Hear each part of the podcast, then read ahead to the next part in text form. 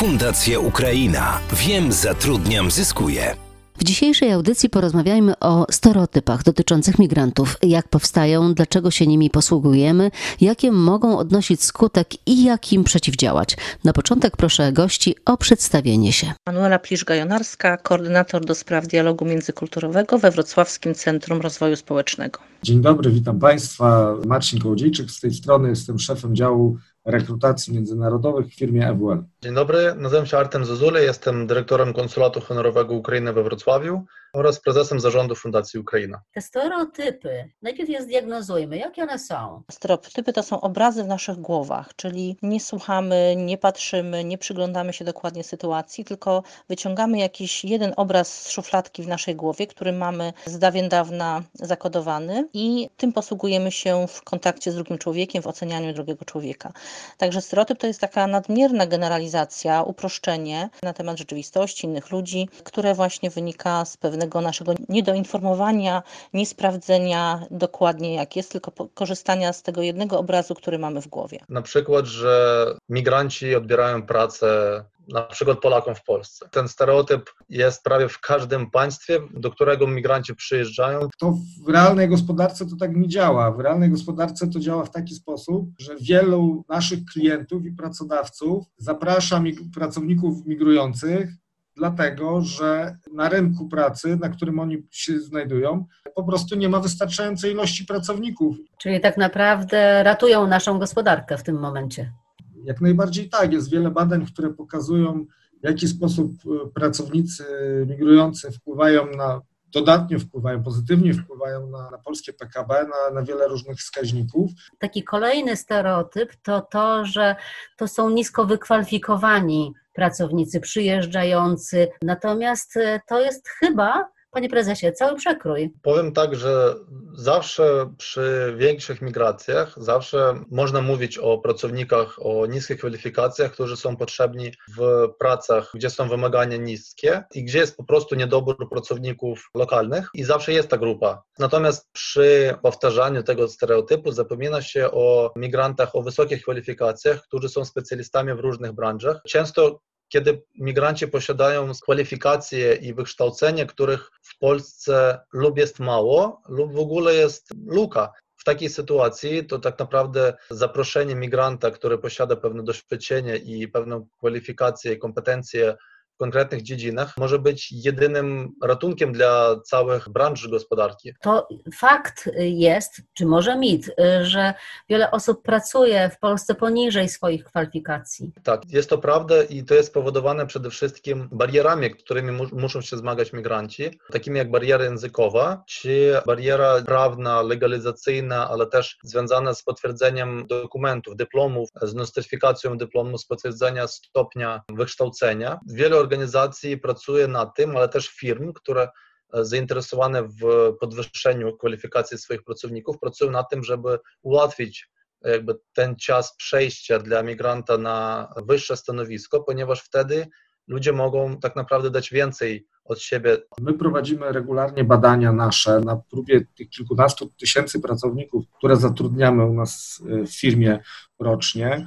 I z naszych badań wychodzi, że około 40% pracowników, których my zatrudniamy i których regularnie badamy, około 40% pracowników ma wyższe wykształcenie, więc to jest e, pierwszy mit, że do nas przyjeżdżają tylko osoby o niskich kwalifikacjach, niewykształcone i tak dalej, jakby absolutnie nie znajduje potwierdzenia w faktach. Natomiast drugie pytanie, czy oni pracują poniżej kwalifikacji i nie mogą się rozwijać czy awansować, no tutaj też nie znajduje to potwierdzenia w liczbach. Jest owszem, nasze badania pokazały i to jest też na podstawie subiektywnej opinii, czyli to jak badany sam ocenia swoje położenie jakby w stanowisku, że około 30% faktycznie deklaruje, że pracuje poniżej kwalifikacji, na stanowisku niższym niż pracowało na Ukrainie. No ale tutaj też jest to pewnego rodzaju naturalna droga, którą część, y, którą wielu migrantów podąża i tak, tą samą drogą podążali Polacy na przykład w Wielkiej Brytanii, czy podążają, że no, jeżeli przyjechałeś do obcego kraju, nie znasz języka, no to potrzebujesz trochę czasu popracować na przykład na niższym stanowisku, jakoś tam się zaaklimatyzować, zaadoptować, nauczyć języka, poznać trochę tam reguły i tą swoją ścieżkę kariery rozwijać. Warto też podkreślić, że akurat we Wrocławiu mamy bardzo dużo e, obcokrajowców. To jest e, no, ponad 120 tysięcy osób, które albo przyjechały tutaj na studia, do pracy, założyć firmę czy e, rodzinę, które związały się z naszym miastem. Jest to niezwykła szansa i okazja do tego, żeby poznawać, można powiedzieć, cały świat bez wyjeżdżania z naszego miasta. Ponadto prowadzimy bardzo wiele programów uczących otwartości, tolerancji, również we współpracy z wspaniałymi organizacjami pozarządowymi, również takimi, które są zakładane przez samych migrantów, więc tutaj okazja do uczenia się, przełamywania stereotypów jest bardzo duża, szczególnie właśnie w naszym mieście pojawiła się sprawa języka. I tutaj niektórzy sądzą, że właśnie cudzoziemcy no, albo posługują się językiem angielskim, który jest y, w korporacyjnych, dużych firmach używany, no, albo zamykają się w swoich y, środowiskach i nie uczą się czy języka polskiego. Jak to wygląda z Waszej perspektywy? Można powiedzieć, że są takie grupy, które naprawdę trudniej im jest zaklimatyzować się, trudniej im jest się zintegrować z, z Polakami lub na przykład nie odczuwają takiej potrzeby, bo w ich grupie lub firmie pracują na tym, jakby w jednym obszarze pracują sami migranci, więc posługują się swoim językiem. Ale tak naprawdę dla jakiegokolwiek rozwoju zgłaszają się do nas pytają o kursy językowe, ponieważ to jest szacunek do tego kraju, w którym znaleźliśmy pracę. Ludzie nie tylko idą się uczyć języka polskiego, bo trzeba, ale też mają wewnętrzną potrzebę okazania szacunku kraju, w którym zamieszkują obecnie. Nasze badania pokazują, że a po pierwsze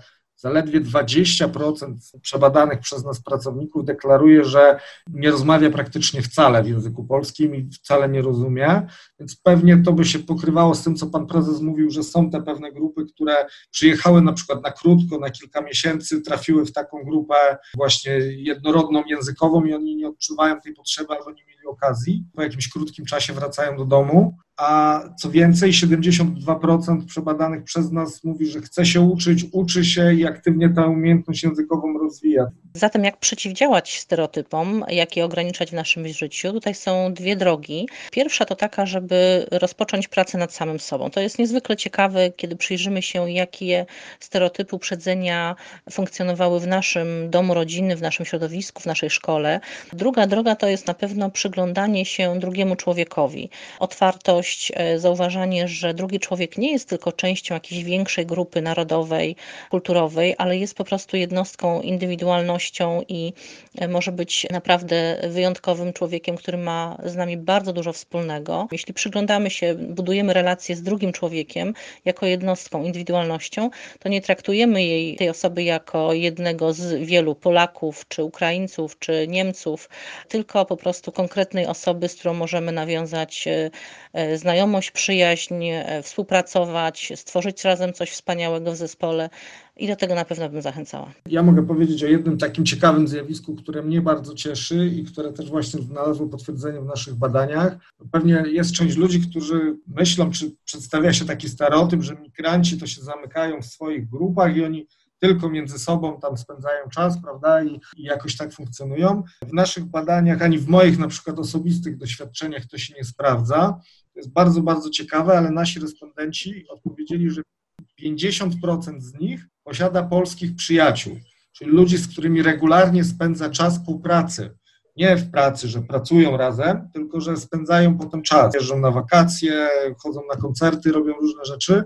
No i to jest świetne, to jest y, takie bardzo budujące i to jest y, potwierdzenie tego, że ten właśnie mit czy stereotyp no, no nie do końca jest prawdziwy. Oczywiście pewnie są, tak jak znowu pan prezes powiedział, jakieś grupy osób, które tej potrzeby integracji nie czują i nie chcą i to też jest w porządku, tak, ale to na pewno nie jest większość trzeba rozumieć, że każdy przyjazd do nowego kraju to jest stres, to jest pewne wyzwanie, to, jest, e, to są trudności, które osoba musi pokonać. I ludzie, przejeżdżając do Polski, tak naprawdę bardzo mocno się wkładają w to, żeby tutaj zalegalizować swój pobyt. Większość migrantów bardzo ceni poczucie bezpieczeństwa w nowym kraju, ponieważ przyjechali i nie znając zasad życia tutaj, najważniejsza rzecz, o którą się martwią, żeby wszystko było legalnie, żeby wszystko było ok, żeby nie zostać tutaj ani wyrzuconym, ani oskarżonym, ani osądzonym. Mają po prostu priorytet na tym, żeby się dowiedzieć, jak tutaj legalnie, normalnie mieszkać. Audycja została zrealizowana w ramach projektu Integracja, Adaptacja, Akceptacja. Wsparcie obywateli państw trzecich zamieszkałych na Dolnym Śląsku, współfinansowanego z Programu Krajowego Azylu, Migracji i Integracji oraz budżetu państwa. Bezpieczna przystań, wyłączna odpowiedzialność za wyrażone opinie spoczywa na autorze i Komisja Europejska oraz Ministerstwo Spraw Wewnętrznych i Administracji nie ponoszą odpowiedzialności za sposób wykorzystania udostępnionych informacji.